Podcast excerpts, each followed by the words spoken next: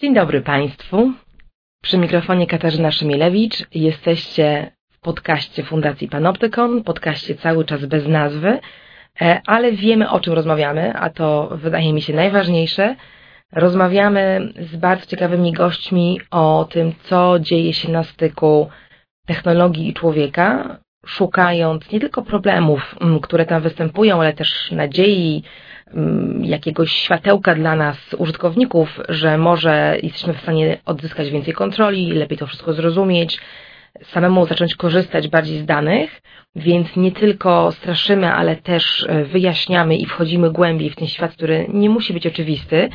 Mm, cieszę się bardzo, że dzisiaj jest ze mną Dominik Batorski, człowiek, którego znam od lat i wiem, że bardzo dobrze jest w stanie wprowadzić nas w to, co dzieje się w świecie marketingu na styku z, z data science, z nauką o ludziach, e, z twardymi danymi, ze statystyką, czyli tym, co nas rzeczywiście w Panoptykonie bardzo interesuje, jak działają algorytmy, jak działa mikrotargetowanie, co tak naprawdę reklama wie o nas i jak tę wiedzę w praktyce można wykorzystać.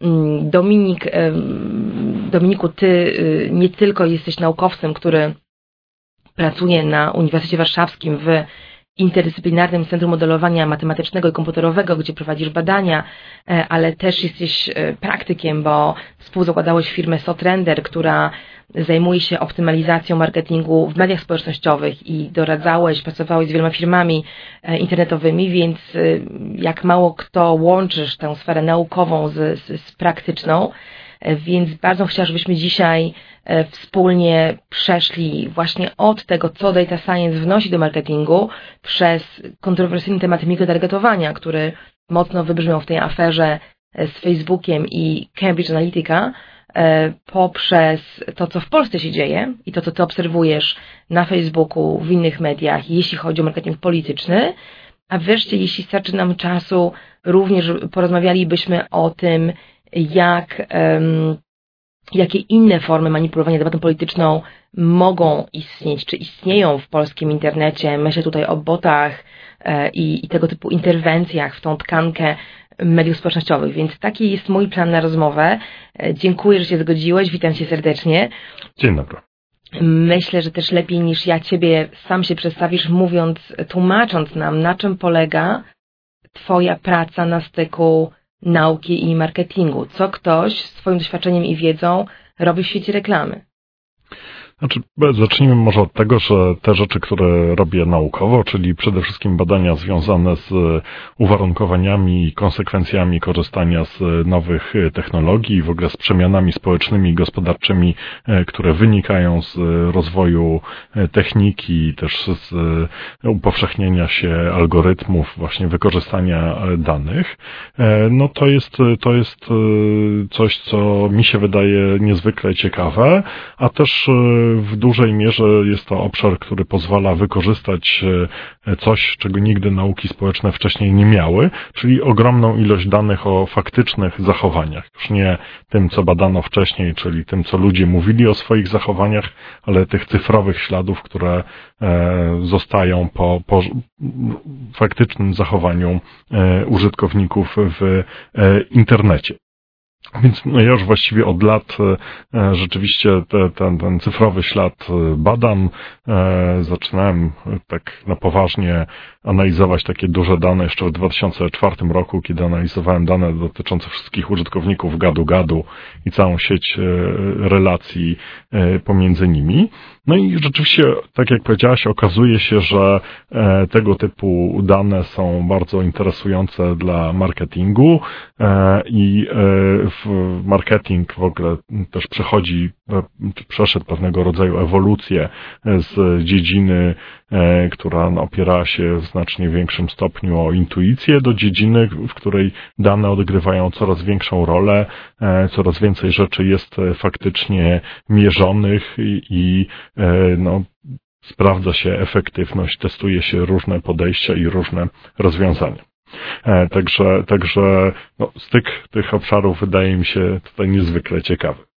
Ale czy naprawdę mm, mam taką wątpliwość, nie tylko ja, bo ludzie, którzy do nas piszą w Panoptykonie, nasi użytkownicy też często poddają to pod wątpliwość, czy rzeczywiście ta reklama tak dużo o nas wie i jest w stanie z tej wiedzy wyciągać praktyczne wnioski, bo subiektywnie doświadczając reklamy, cały czas mam wrażenie widzimy dość um, słabo dopasowane treści, o ile nie powiedzieć no, irytujące i nietrafione, takie jak słynny retargeting, polegający na tym, że przede wszystkim, że, że śledzi cię ten sam komunikat, y, kup lodówkę, jeżeli oglądałeś lodówkę e, chwilę temu, a nie daj Boże, czy ją kupiłeś, no będziesz ją widzieć przez dwa miesiące. Więc skąd w takim razie biorą się takie absurdy i tak zmarnowane pieniądze w reklamie, jeśli jest tak jak mówisz, że coraz więcej firm na poważnie e, próbuje tego człowieka zrozumieć, opisać i przewidzieć, czego on tak naprawdę szuka. Czy to jest kwestia pieniędzy, że to jest za drogie, czy, czy nie trafienia jednak w ten cel? To znaczy, pamiętajmy o tym, że e, to przewidywanie no, nie jest e, takie super dokładne. Tak? To znaczy, to wszystko się opiera o prawdopodobieństwo i o to, że osoba, która oglądała tą lodówkę jakiś czas temu na którymś ze sklepów internetowych, jest y, no, znacznie bardziej prawdopodobne, że taka osoba e, tą lodówkę kupi, niż jakiś zupełnie przypadkowy internauta. E, nawet jeżeli e, ta osoba tą lodówkę Może już kupiła, albo, albo że części osób, które, które E, którym się ta reklama e, wyświetla, to już jest bez sensu, bo one już tej lodówki nie szukają, e, no to i tak wykorzystywanie tych kryteriów, prawda, i wyświetlanie tej akurat reklamy osobom, które niedawno tą lodówkę widziały, jest znacznie lepsze niż wyświetlanie jej zupełnie przypadkowym osobom. I myślę, że można tutaj jeszcze podać na pewno pamiętasz, był ten słynny e, przykład, który e, w swoim marketingu wykorzystywała firma Target, e, mówiąc o tym, że no pewnego razu zgłosił się do niej ojciec jakiejś szesnastolatki z pretensjami, że dziewczyna zaczęła dostawać materiały reklamowe dla kobiet w ciąży, a przecież ona ma 16 lat i o co chodzi. I po no dwóch tygodniach i, i, po dwóch tygodniach zgłosił się z przeprosinami, że zupełnie rodzice nie mieli mieli pojęcia, ale dziewczyna faktycznie jest w ciąży, tak? I to nie jest tak, że, że jakieś algorytmy, prawda, ktoś tam gdzieś wie o tym, że, że e, tutaj akurat jest osoba, która, e, która jest e, w ciąży. Trochę po tym, po tym przypadku jeden z dziennikarzy The Atlantic znalazł się w podobnej sytuacji. Jego partnerka zaczęła takie materiały reklamowe dostawać i on zrobił bardzo dokładne dochodzenie. Jak to się stało, że e, mimo tego, że nikt nie wiedział, że spodziewają się dziecka, e, to faktycznie takie, takie materiały reklamowe zaczęli e, dostawać. No i okazało się, że to, co tam zadecydowało to to, że on e, parę miesięcy wcześniej przed gwiazdką e, kupił e, jakieś prezenty jakimś swoim kuzynom czy siostrzeńcom, no w każdym razie zabawki dla dzieci tak na prezenty. I to błędne znaczy, no, przy, przypadek, ale no jednocześnie no to jest pewnie jakiś sygnał w danych, który uprawdopodobnia, że tym osobom akurat takie treści mogą być mogą być dla nich interesujące. Tak? Więc... Czyli, czyli to nie jest błąd, tylko wnioskowanie e, uprawnione w tym sensie, że ktoś, kto sam myśli o dziecku, interesuje się nagle również dziećmi swojej rodziny, tak? To byłoby to, wnioskowanie. To znaczy, moim zdaniem to jest tak. Po prostu, e, jeżeli e, gdzieś tam w danych są jakieś sygnały, które są charakterystyczne, czy zwiększają po prostu prawdopodobieństwo, że dana osoba należy do grupy osób e, potencjalnie zainteresowanych e, e, materiałami, czy właśnie jakimiś produktami dla dzieci, no to to już, to już wystarcza, tak? Znaczy, to nie jest taka wiedza na super dokładnym poziomie, że jesteśmy w stanie bardzo dokładnie powiedzieć, kim ta osoba jest, w jakiej ona jest sytuacji życiowej, ale że prawdopodobieństwo o tym, że ona się zainteresuje jakimiś produktami z tej kategorii jest większe niż przeciętnie. To ciekawe, rzeczywiście jest odległe od tego, co słyszeliśmy przy aferze Target, którą przywołałeś chwilę temu, gdzie rzekomo mm, w reklamie chodziło o namierzenie nawet nie tylko tego, że ta kobieta jest autentycznie w ciąży, ale wręcz wyprzedzenie konkurencji, w tym sensie, że Target zdaje się chwalił się tym, że oni są w stanie zrobić to bardzo wcześnie. Znaczy, no oczywiście firmy się tego typu rzeczami e, e, chwalą, Co więcej, no, próby wykorzystania właśnie różnych danych po to, żeby coś wiedzieć lepiej, e, są no, całkiem częste. Tak? No, mieliśmy w Polsce nie wiem, parę lat temu jeden z banków e, umożliwiał użytkownikom logowanie przez e, Facebooka po to, żeby wyciągać dane z profilu tych użytkowników. Tłumaczy, tłumaczył użytkownikom, jaka będzie konsekwencja tego logowania?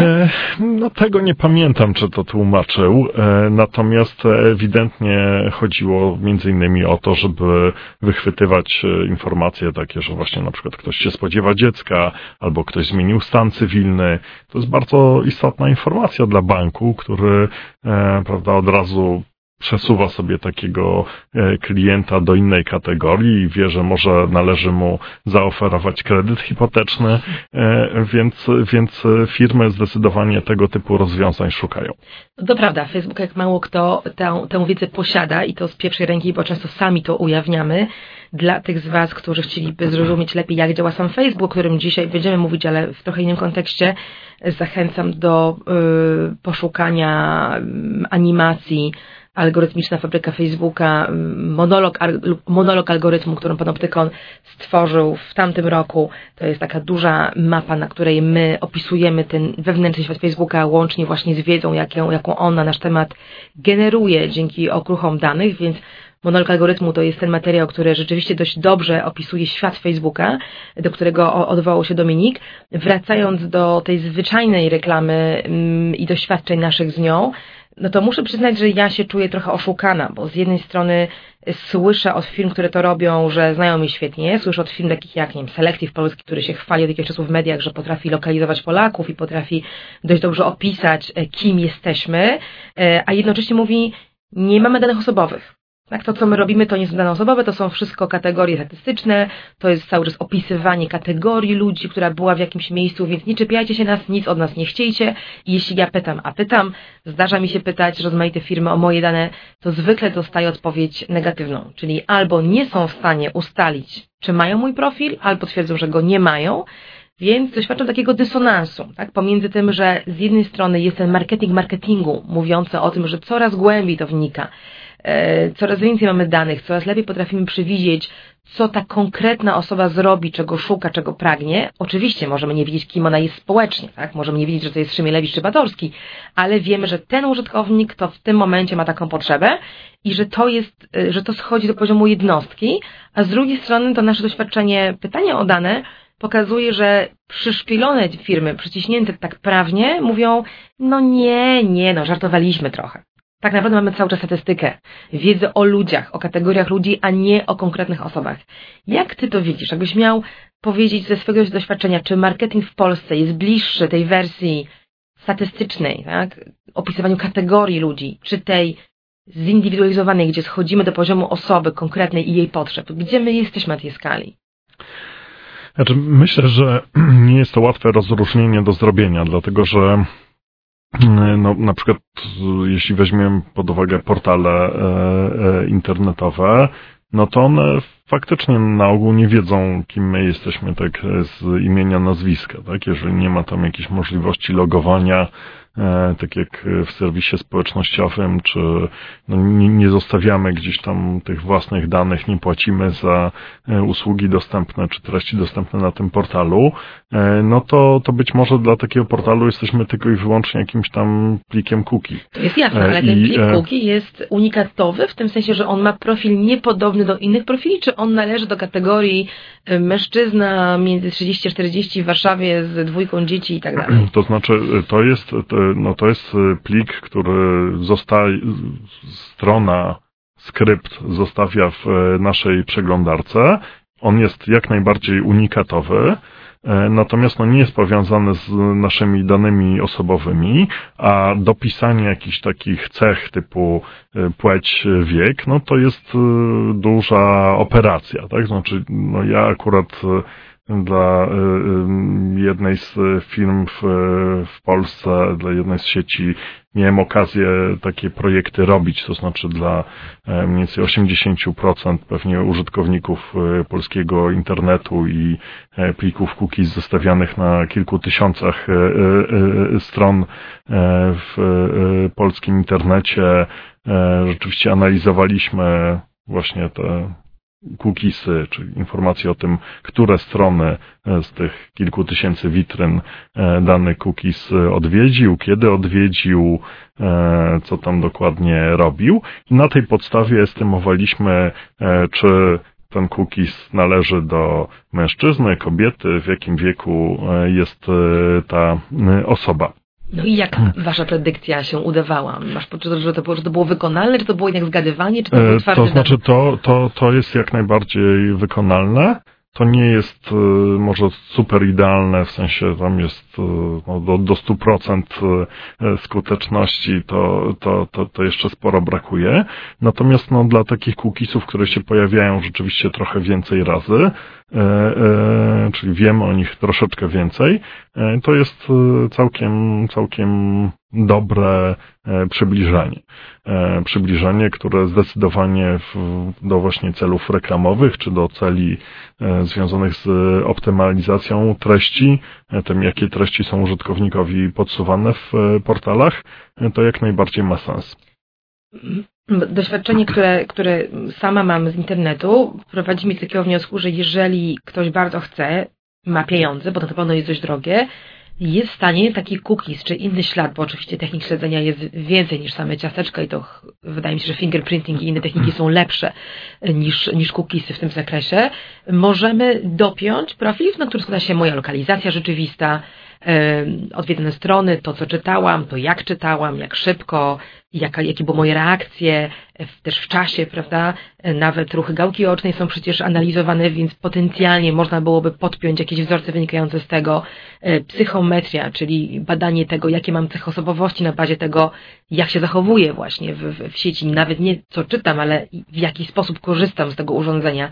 Jakie jest to moje urządzenie, jakie ono ma cechy, jak, jak było drogie, prawda? Czyli jakby status majątkowy wynikający z tego, czego używam.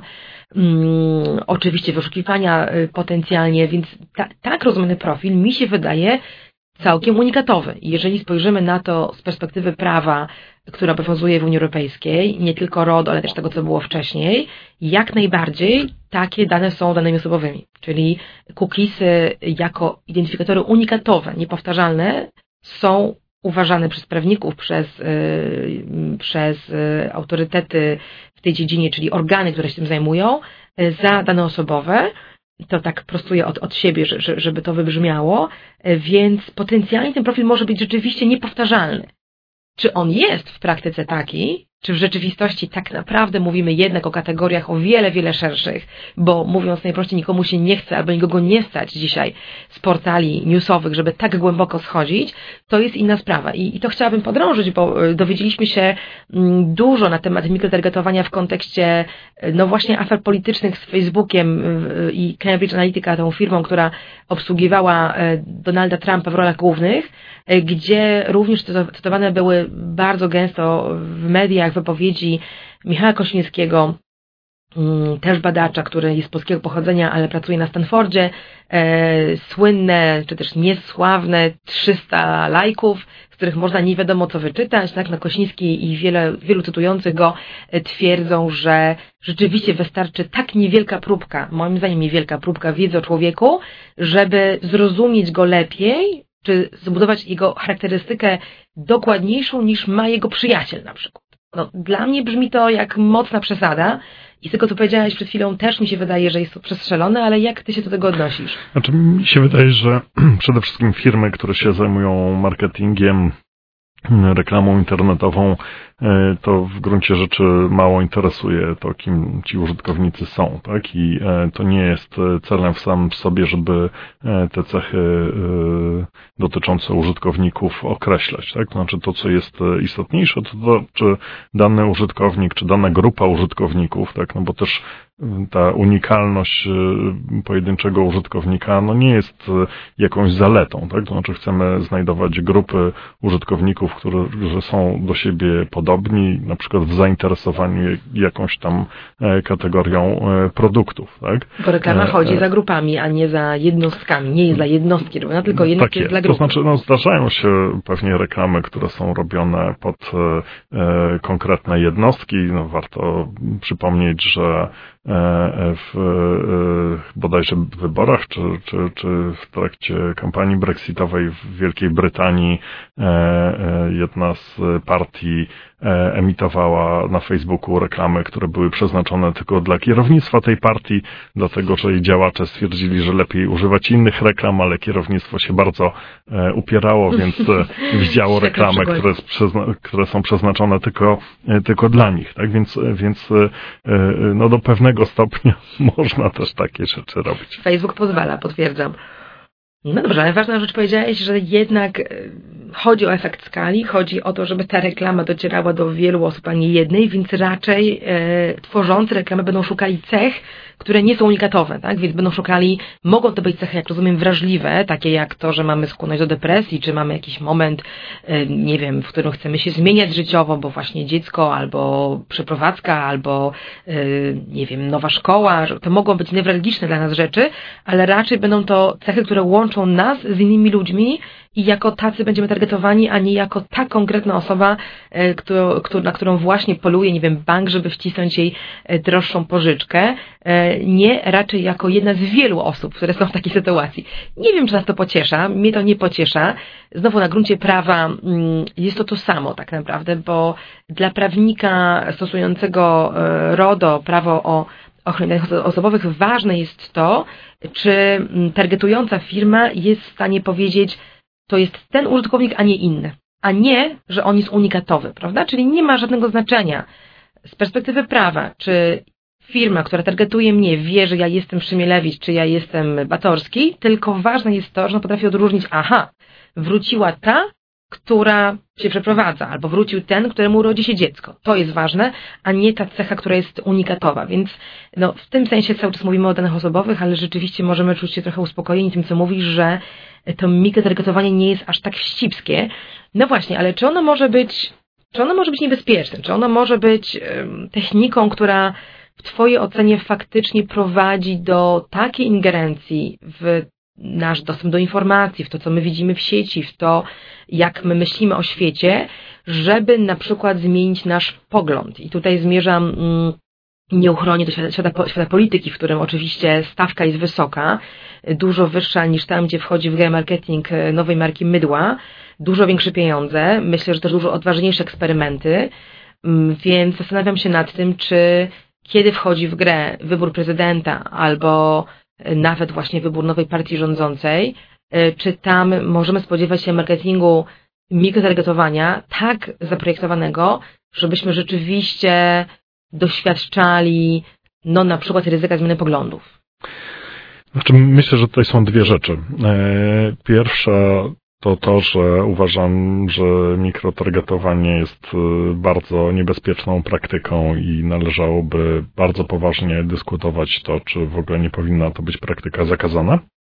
E, e, natomiast to, czy w ogóle i w jakiej skali możliwy jest wpływ na zachowania ludzi, no to jest trochę, to jest trochę inna kwestia i no, w moim przekonaniu na przykład zmiana poglądów politycznych to jest coś, co jest bardzo trudno osiągalne i tak naprawdę nawet przy bardzo dużych kampaniach to też było dobrze badane e, w przypadku mediów tradycyjnych. No, osiągnięcie takiego wpływu jest e, e, bardzo trudne i, i, i on ma bardzo niewielką skalę.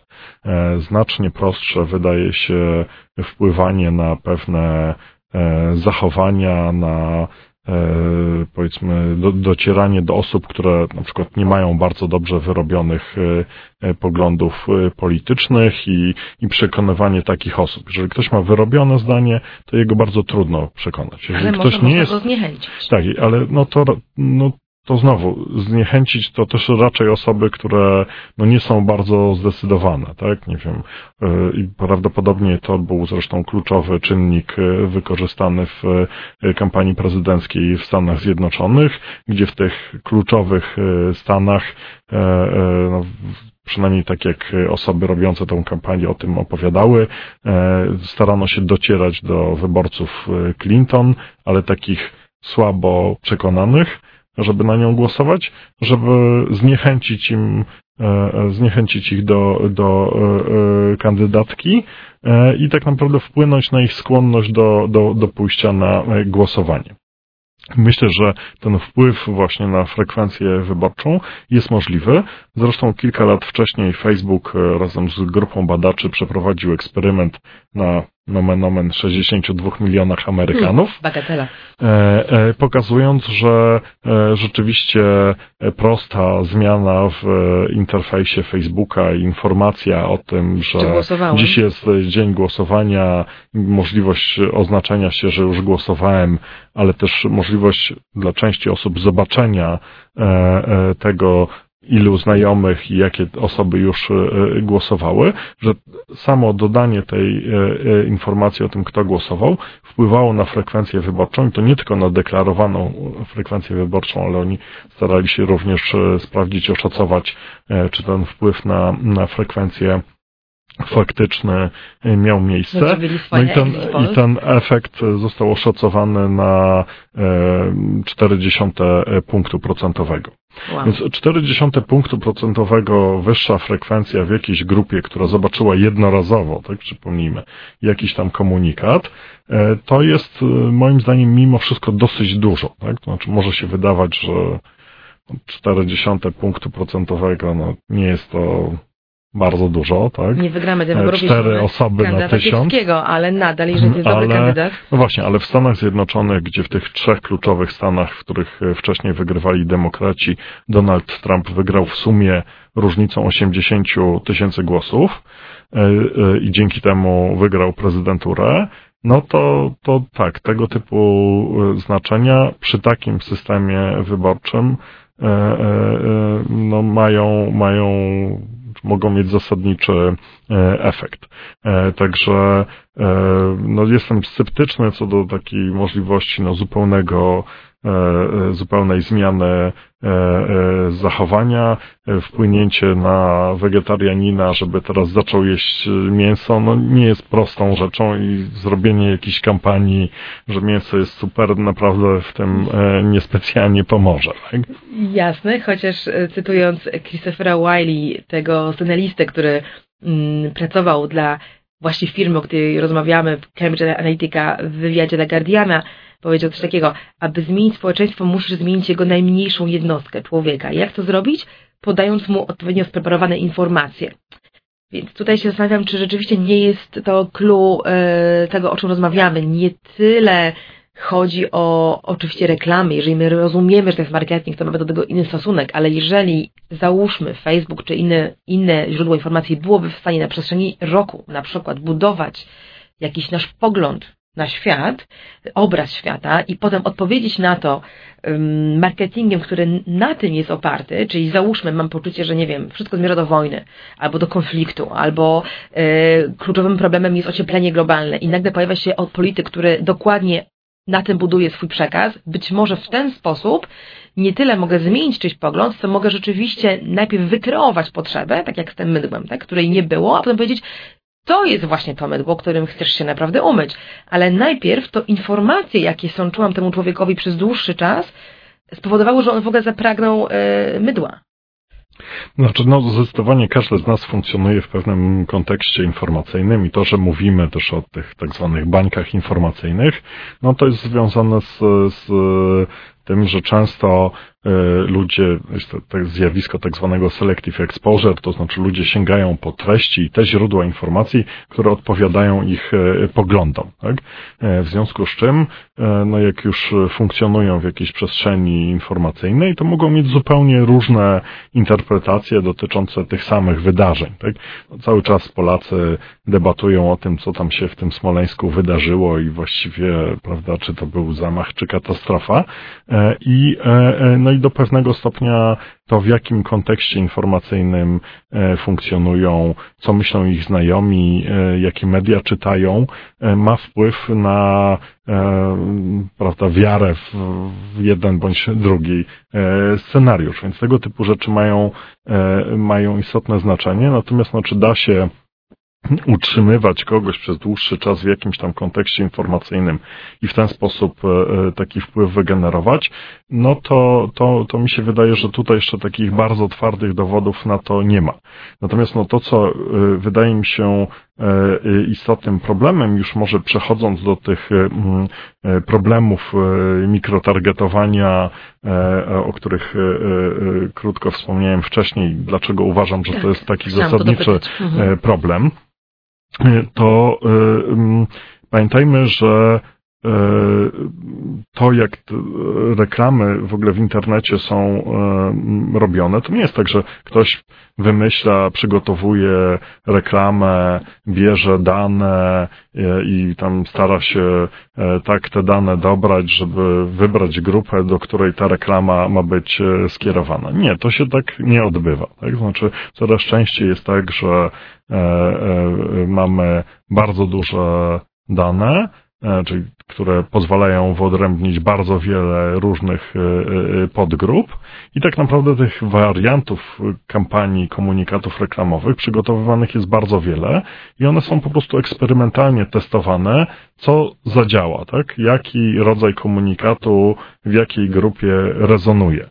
E, sztab Donalda Trumpa chwalił się tym, że w trakcie kampanii wyborczej puszczał od 50 do 60 tysięcy różnych komunikatów reklamowych na Facebooku dziennie. Tak, ja tą liczbę e, podawałam na którymś ze spotkań i usłyszałam wtedy od ludzi z polskiej branży reklamy, że to żadne duże liczby, że to, tak jak mówisz sam, raczej jest standardem, może nie w takiej skali, ale rozumiem, że nie tylko Trump tak robił, tak robią wszystkie bogatsze firmy. To znaczy, Facebook, Facebook ma e, jedno wymaganie, te mikrogrupy, do których taki komunikat dowolny może być e, kierowany, muszą liczyć przynajmniej 20 osób. Mhm. Jeżeli liczą 20 osób, no to, to wszystko grupa, w porządku. Tak? Więc, więc e, hmm, no takie, takie możliwości istnieją. E, pamiętajmy też, że Facebook jest platformą, w której ta, ta działalność reklamowa jest bardzo mocno zautomatyzowana. Tak? Znaczy w tej chwili Facebook ma ponad 7 milionów reklamodawców na całym świecie E, I e, no, oczywiście nie zatrudnia pracowników, którzy przeglądają, co ci reklamodawcy tam reklam. E, chcą emitować. Nie, to jest samoobsługowa platforma, w której firma, podmiot, osoba prawda, ustala, jakie komunikaty reklamowe chce emitować i do jakich grup konkretnie. Nawet nie trzeba mieć jakichś bardzo dużych własnych danych, bo Facebook daje swoje dane i to, co wie o swoich użytkownikach i to można wykorzystać e, e, te reklamy e, właśnie targetując.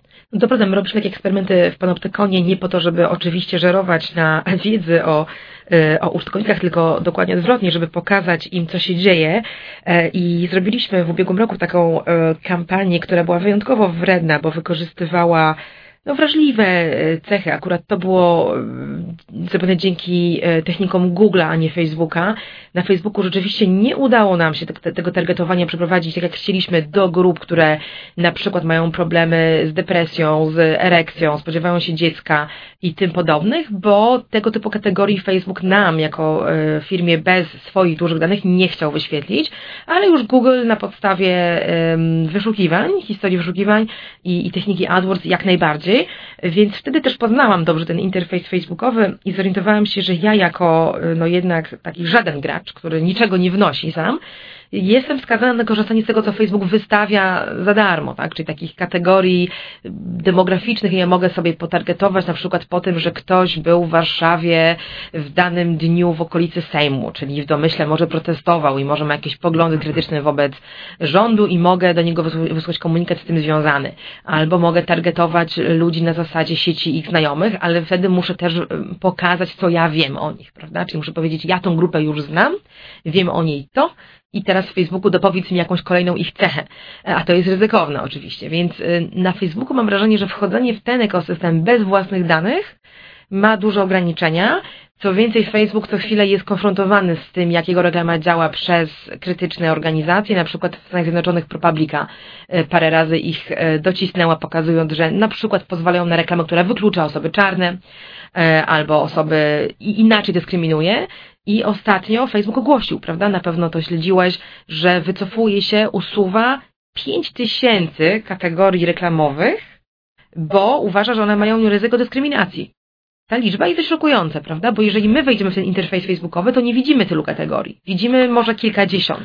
Znaczy, Gdzie jest te kilka Nie no, to znaczy tych, tych, y, to co widzimy, no tego, tego jest zdecydowanie więcej, tak? No bo, bo to są rzeczy, nie wiem, no, na przykład to, co ProPublica y, też swego czasu pokazała, to to, że można tam sobie zbudować kategorię no, osób nienawidzących Żydów, tak, na przykład, tak, mhm. E, e, i, e, no i to jest możliwe, dlatego, że można wykorzystać to, jakie strony ludzie na Facebooku polubili, tak, jeżeli ktoś jest zainteresowany jakimiś stronami, jakimiś tam typami treści, no można, można starać się różnego rodzaju grupy docelowe w, w oparciu o to budować.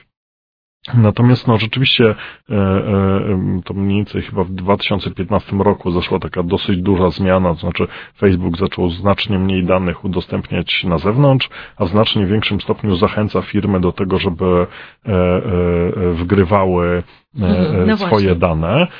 Natomiast no, te dane, które, które firmy mogą wgrywać, mogą być bardzo różnego rodzaju. Tak? Znaczy, przede wszystkim mogą to być na przykład adresy mailowe, numery telefonów e, własnych klientów.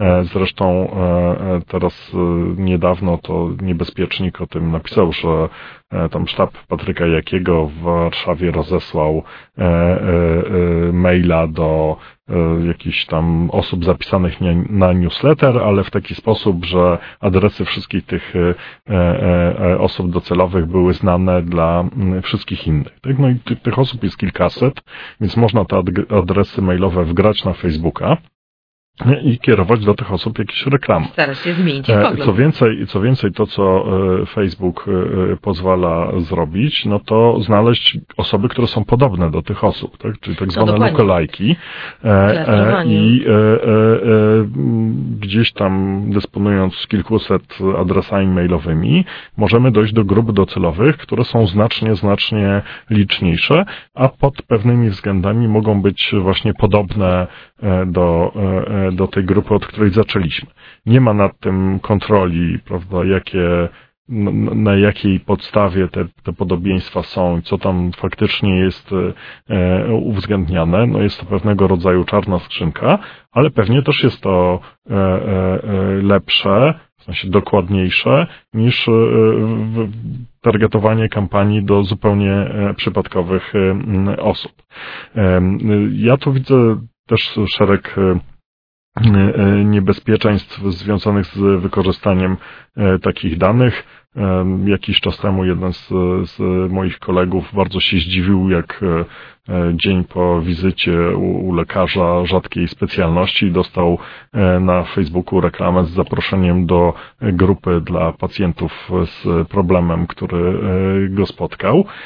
No i no, Zszokowało go, że ale jak to, tak? Znaczy skąd ten Facebook y, wie o tym, ja że prawda, on był y, y, takiego lekarza? Tego typu. No i to jest, i to jest, to jest coś, co oczywiście no nie Facebook to wie, tylko pewnie pracownicy placówki medycznej, e, e, e do której się udał, e, e, prowadzą grupę na Facebooku dla pacjentów i, i podpięli e, jego maila lub telefon. Podpięli jego mhm. dane i stargetowali mu reklamę z zaproszeniem do tej, do tej grupy. Ale tak? też można sobie wyobrazić, że firma taka jak wspomniana przeze mnie Selective, która opiera się w dużej mierze na targetowaniu po lokalizacji, mogłaby na przykład targetować ludzi, którzy byli fizycznie w miejscu, które jest charakterystyczne, bo jest właśnie placówką zajmującą się, nie wiem, chorobami egzotycznymi czy, czy, czy psychologiczną pomocą i taki klucz lokalizacji też mógłby zadziałać, prawda? Znaczy, no akurat e, na Facebooku chyba takiej opcji e, targetowania po dokładnej lokalizacji e, nie ma. Po ulicy no to... na pewno adresie, nie wiem czy po, po miejscu w budynku. Sama, mm. sama korzystałam z tej opcji, żeby targetować ludzi, dlatego że gdzieś byli. Spekuluję, bo to na pewno byłoby trudniejsze niż, niż to, o czym mówisz. No i jeszcze do tego dochodzi, dochodzą spekulacje na temat tego, czy Facebook nas słucha przez Messengera, czyli na aplikacje, które mają dostęp do mikrofonu. Tutaj, rozumiem, kolega nie mówił o tym w domu, ale ja słyszałam to, to znaczy wielokrotnie. Jest, tak, to znaczy jest to taki mit, przypadki. który po internecie krąży i ja też od wielu znajomych słyszałem, koleżanka mi opowiadała, że e, rozmawiała ze swoim partnerem o chociaż nigdy tak. nie zajmują się gotowaniem. E, I nagle, i, tam, i nagle e, widziała reklamę jakichś patelni czy garnków na, e, na Facebooku. Tak? I no to jest coś, co Facebook wielokrotnie zaprzeczał, żeby coś takiego robił. Ale technicznie nie jest to trudne, prawda? Technicznie nie jest to trudne. Co więcej, jeżeli ktoś z Państwa ma aplikację Facebooka E, lub Messengera na swoim telefonie, no to te aplikacje mają uprawnienia dostępu do naszego mikrofonu i mogą ten mikrofon w dowolnym momencie włączać, więc e, to jest jak najbardziej do, e, do zrobienia, ale były też prowadzone eksperymenty na ten temat i nic nie wskazuje na to, żeby faktycznie coś takiego było wykorzystywane. E, więc e, jeśli coś nas w tych telefonach podsłuchuje, to raczej to nie jest Facebook. Aczkolwiek no też pamiętajmy, że na przykład od 2015 roku też Facebook ma patenty na to, żeby włączać kamery e, w telefonach użytkowników, w laptopach użytkowników po to, żeby robić tym użytkownikom zdjęcia i na podstawie zdjęć analizować to, jak reagujemy na treść. Mm. Facebookowi zależy na tym, żeby lepiej rozumieć to, czy to, co nam wyświetla, nam się podoba, czy się nie podoba. E, i e, no niestety same nasze zachowania, te lajki i inne reakcje, które zostawiamy pod postami, to jest dla nich zdecydowanie zbyt mało. Natomiast oprócz tego, że mają te patenty, to czy ta funkcja faktycznie działa, chociaż teoretycznie mogłaby i użytkownicy się na to zgadzają, instalując aplikację, no to trudno, trudno powiedzieć. Znowu tych, których interesuje, jak działa Facebook, jeśli chodzi o tą czarną skrzynkę, odeślę do naszego monologu algorytmu, czy, czy też map, które e, na stronie Panoptykonu są publikowane. Nazywaliśmy je sobie algorytmiczną fabryką Facebooka. Te mapy tłumaczą, co się właśnie dzieje pomiędzy tym, mm, co my wkładamy, tak, czyli sferą e, pobierania danych o nas, a tym, co jest produkowane dla reklamodawców, tymi kategoriami, których są tysiące, y, no tam działają algorytmy, które są patentowane, więc y, o części z nich wiemy sporo, bo Facebook te patenty musi publikować, oczywiście z pewnym opóźnieniem to się dzieje, ale możemy odtworzyć zasady działania przykład algorytmu, który klastruje użytkowników po to, aby y, wykryć ich ukryte cechy. Tak? To, o czym mówiliśmy, czyli polityka, może zdrowie, jakaś grupa pacjencka, choroba, czy kwestia orientacji seksualnej, e, takie rzeczy, które są ukryte, można je wyczytać w oparciu o klastrowanie nazw grupy i analizę, kto z kim się komunikuje, e, jeżeli którakolwiek z tych osób ujawniła taką cechę wcześniej i Facebook tego zupełnie nie kryje. Ale wracając do samego mikrotargetowania i polityki, obserwujesz, co się dzieje na polskim Facebooku jako badacz i, i w ramach trendera.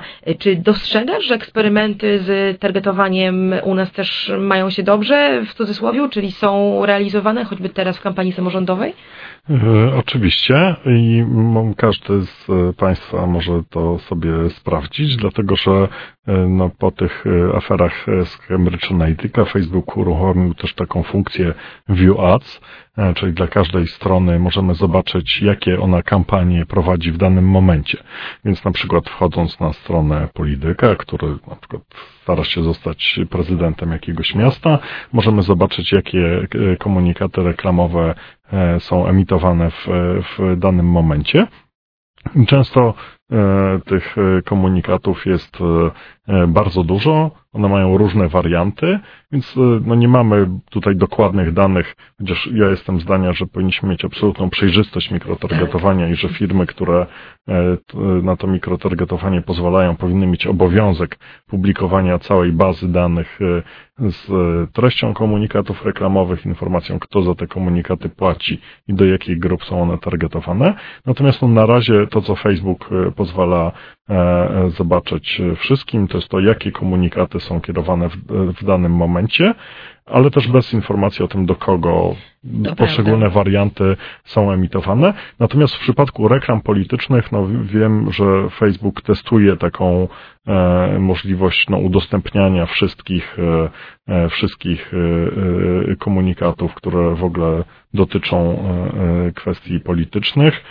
Na razie jest to testowane w Kanadzie i Irlandii, więc myślę, że możemy się spodziewać, że w jakiejś perspektywie będzie to dostępne również w innych krajach. Ja robiłam eksperymenty na, na sobie w Google i w Facebooku. Byłam ciekawa, jak daleko mogę dojść, jeśli chodzi o ustalanie mojego profilu reklamowego. I rzeczywiście jest tak, że mm, Facebook idzie tutaj troszeczkę dalej niż Google, bo pozwala mi na swoim przykładzie stwierdzić, dlaczego widzę jakąś treść. Czyli jeżeli dzisiaj klikniemy w prawym, tam bodajże górnym rogu e, komunikatu sponsorowanego, czy reklamy, czy jakiejkolwiek innej treści, dowiemy się, że on jest do nas wysłany dlatego, że e, to nie będzie bardzo dokładna informacja, ale ona będzie zdradzała to, czy chodzi o zainteresowanie, czy chodzi o porę dnia, czy chodzi o lokalizację, czy o co chodzi, Mm, ale nie mogę tego zrobić dla innych użytkowników. Tak jak powiedziałeś, tutaj mogę tylko zobaczyć, jaka jest skala tego komunikatu, prawda? Czyli czy polityk I, ty, i tylko dla Posługuje się- komunikatów, które zostały wyświetlone tobie. tylko dla nich. Tak. Aha, czyli zobaczenie, że cała reszta Facebooka widzi coś innego, tego ja nie zobaczę.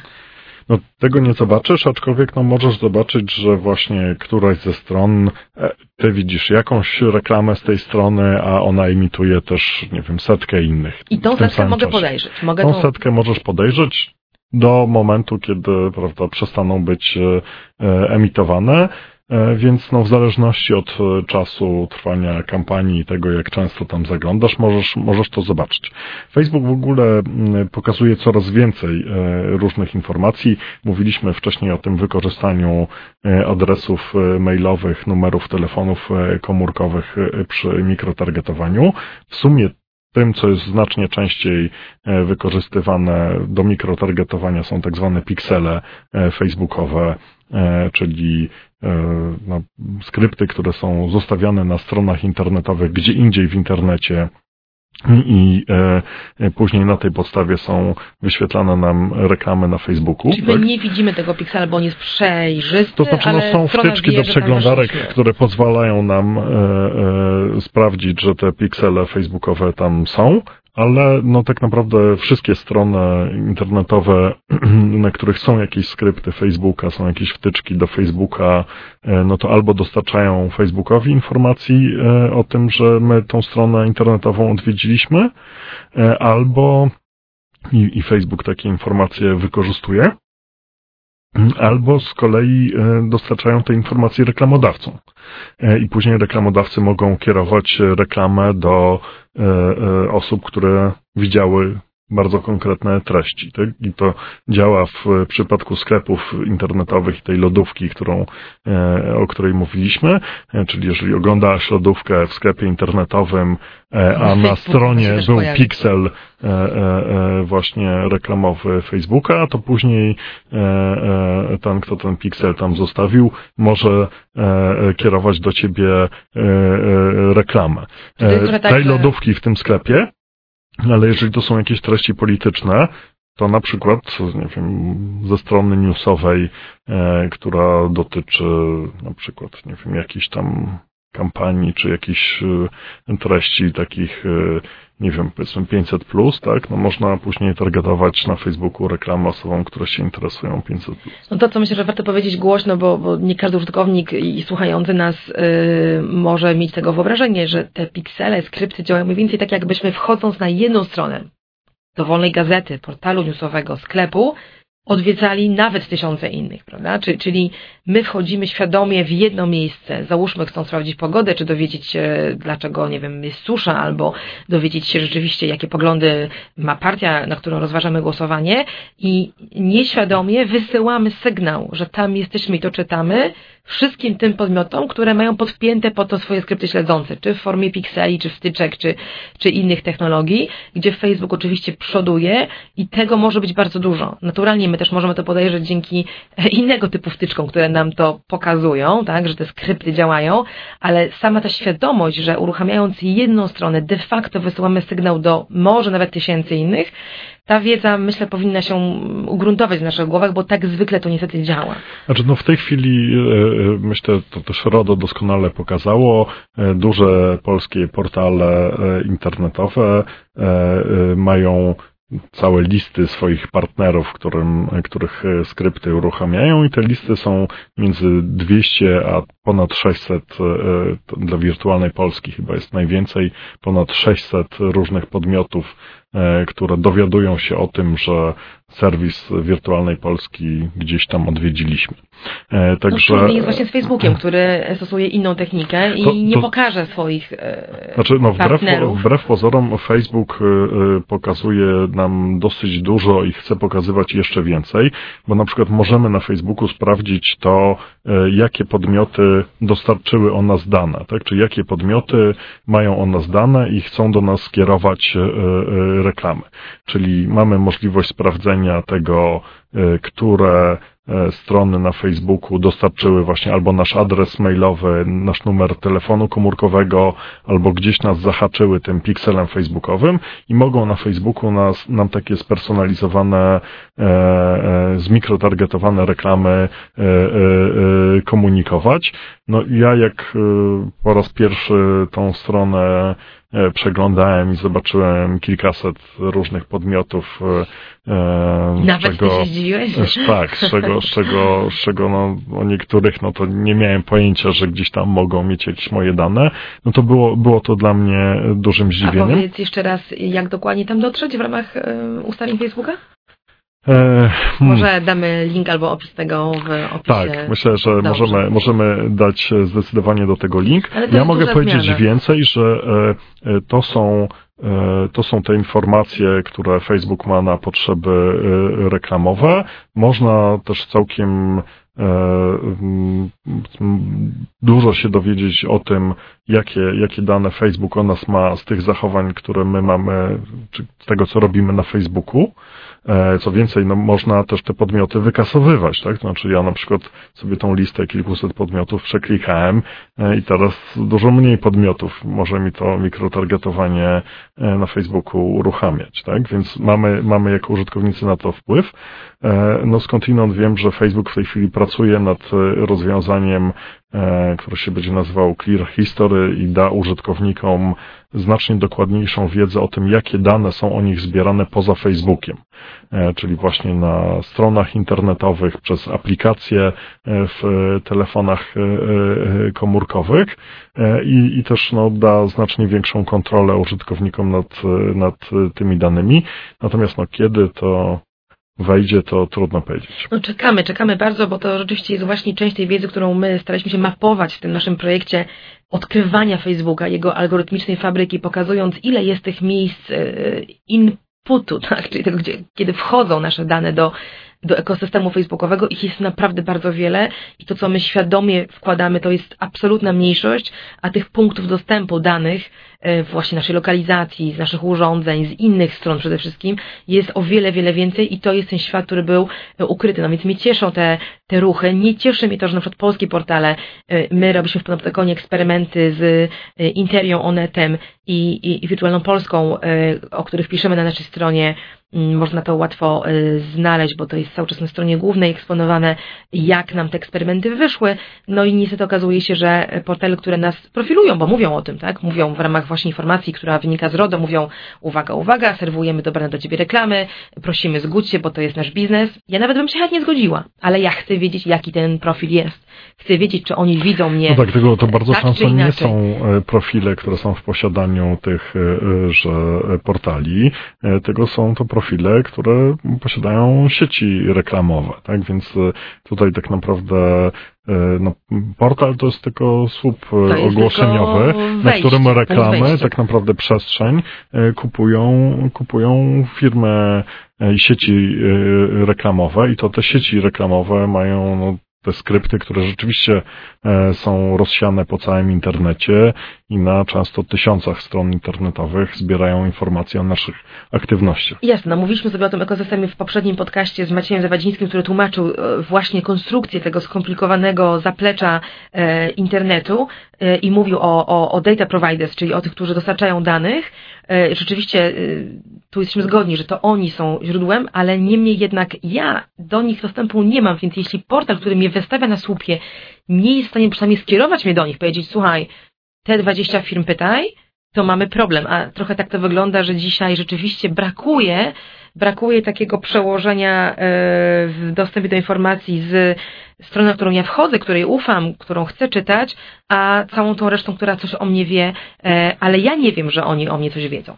No ale zostawmy ten wątek, bo o nim e, mówiliśmy sporo w poprzednim podcaście, a Facebook okazuje się być workiem bez dna i targetowanie, więc czas nieubłaganie nam umyka. Myślę, że nie będziemy otwierać dzisiaj wątku tego, jak inaczej można wpływać na postawy, zachowania ludzi w sieci poprzez nie tyle targetowanie ich, co na przykład właśnie tworzenie jakichś wyobraż- jakichś e, generowanie trendów e, w debacie publicznej e, poprzez botnety czy, czy inne interwencje w to, jak ta debata wygląda.